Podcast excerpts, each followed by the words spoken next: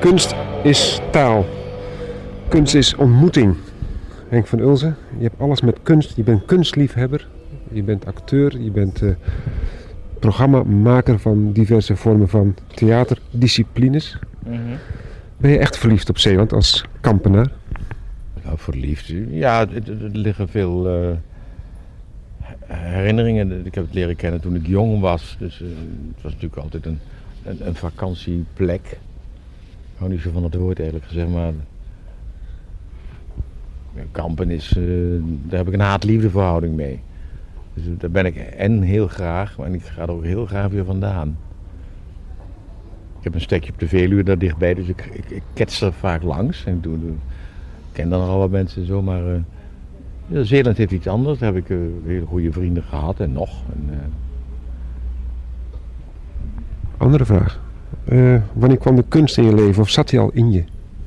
Ik denk dat dat zo is, maar ik wilde eigenlijk uh, wel iets doen met talenstudie Nederlands.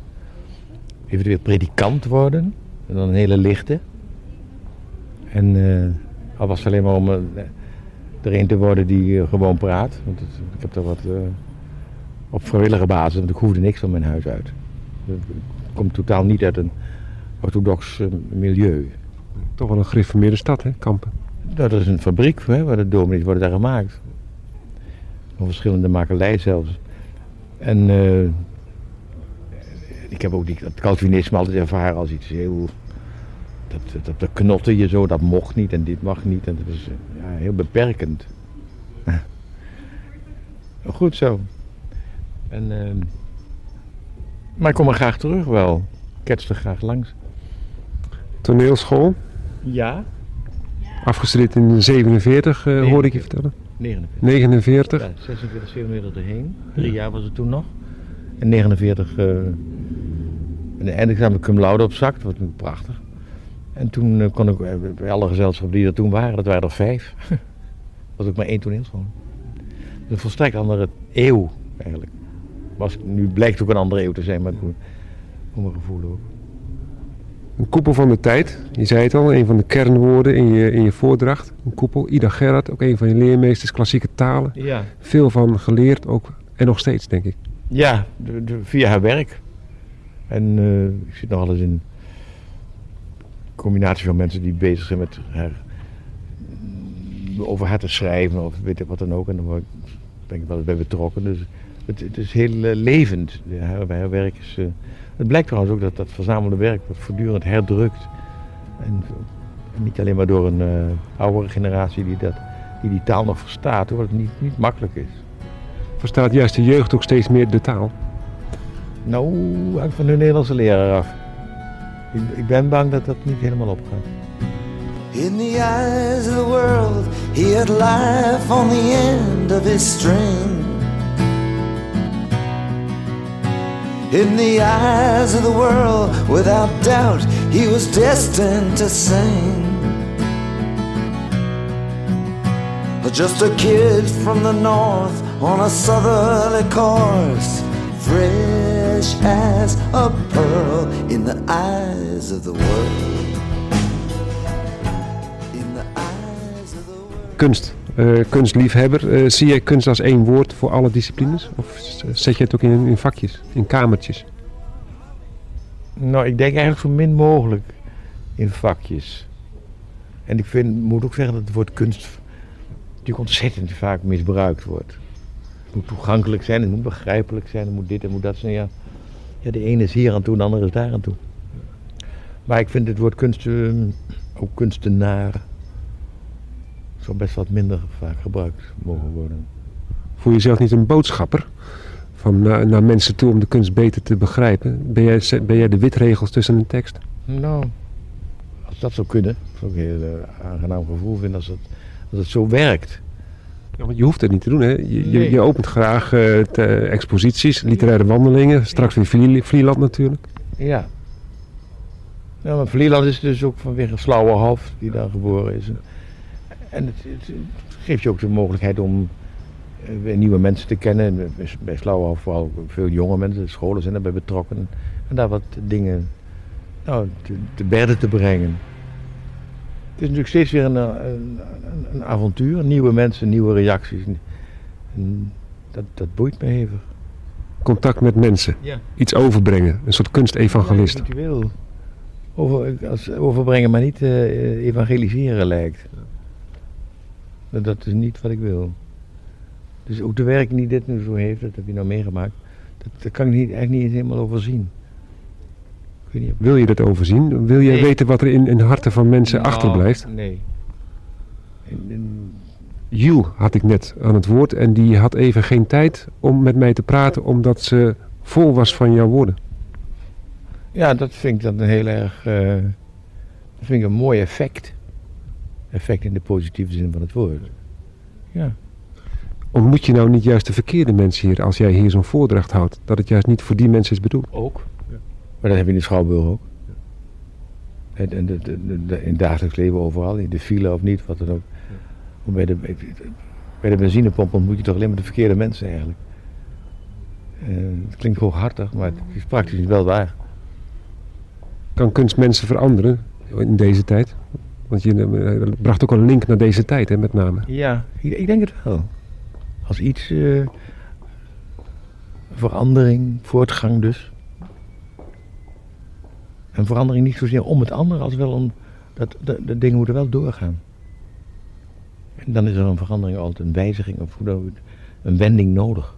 Taal en beeldende kunst als slagwerk, hè, niet slaanwerk. Ja, ja. Het grappige was dat ik eh, dat woord voor, muzikale ritme noemde in taal. En vrienden van mij, die hier tot mijn verrassing waren. En die knaap, die, eh, zij schilderes, heeft hier pas eh, geposeerd. Ems heet ze. En haar man, vriend, is Jeroen. En die is slagwerker. Met hem heb ik altijd samengewerkt. Teksten waar hij slagwerk eh, improviseerde. Dus toen ik het zei, dacht ik, dan, ja, dat, gebeurt. Dan zeg je, alleen te zijn er ere, zeg noemde ik slagwerk. En dat is helemaal niet een woord wat misplaatst was. Dat was een prachtige aanvulling. En dat zei ik hem ook, als jij er niet gestaan had, had ik het slagwerk niet genoemd. Is dat de kracht van taal en tevens ook de beperking van taal? Dat denk ik. Ja. Maar ik probeer zoveel mogelijk als een, als een uitbreiding, als een, eh, niet als een beperking te gebruiken. Terwijl ik wel weet dat het ook beperkend werkt. Daarom is het dan stilte waar, het- waar ik over heb, wat, wat ik vaak dan noem. Tussen de regels door. Ja, tussen de regels door, maar je moet die regels wel lezen, anders kan er ook niks tussendoor gaan. Je hebt natuurlijk toch... Is dat de kracht van een acteur om met, met stilte om te gaan ook? dat in denk zijn... ik wel. De, van de, van, naar mijn gevoel een, goed acteur, ja, denk het wel. Ja. En juist in deze maatschappij kunnen mensen niet meer tegen stilte. Nee. Overal is geluid. En iets mag ook nooit lang duren. Ik heb live uitzendingen meegemaakt op de televisie die anderhalf uur duurden. En eh, dat is ondenkbaar. Het mag niet meer zo lang duren. Stilte wordt als een storing ervaren. Ja, want dan wordt iemand op zichzelf teruggeslagen. En dan heeft hij, zijn alle, in vele gevallen zijn alle middelen opgesoupeerd. Dan, eh, Terug naar jezelf. Ik wil afronden ongeveer. Je zou met pensioen kunnen gaan, maar kan een kunstenaar een performer met, met pensioen? Kan een kunstenaar met pensioen gaan? Nee. Nee. Hai. Ik tenminste niet. Welke plannen heb je nog? Want je hebt ook die, die, die serie gedaan, eh, Psalmen en eh, Prediker in, eh, de, Zuid- in de Westerkerk. Die gaan er vrij, vrij regelmatig. Er is steeds veel vraag naar. Levensverhalen, vier jaar geleden op de NPS ook gedaan. Een serie af. Levensverhalen, de voice-over stem. eh, ja. Ja. Een aantal afleveringen. Ja. ja, soms weet ik helemaal niet meer wat ik allemaal gedaan heb. De... Ik ben heus niet met een natte vinger te lijmen, maar zodra er elementen zijn waarvan ik denk dat het boeiend, dat het belangrijk, daar kan iemand misschien iets mee, behalve ik zelf dan, dan doe ik het toch. Heb je al iets met Ida Gerard gedaan in het programma of ga je dat misschien nog doen? Nee, heel veel gedaan. Oh ja, heel veel. Wat zou je het liefste nog willen doen? Ja. Ik zou één heel mooi programma, eh, maar dat moet geschreven worden. Dat is niet zo makkelijk. Want ik, ik, ik stel wel samen en ik maak verbindende teksten. Maar ik ben niet een oorspronkelijk auteur. En ik zou op de figuur van Judas, een soort, ook, ook om een, naar mijn gevoel, een bepaald misverstand van alleen maar die verrader of die, een hele andere kant te belichten. Het zit in je hoofd, maar het moet er nog uitkomen. Ja, dat is, dat is niet zo'n eenvoudig onderwerp, want het hangt er erg vanaf wie je dat dan vraagt.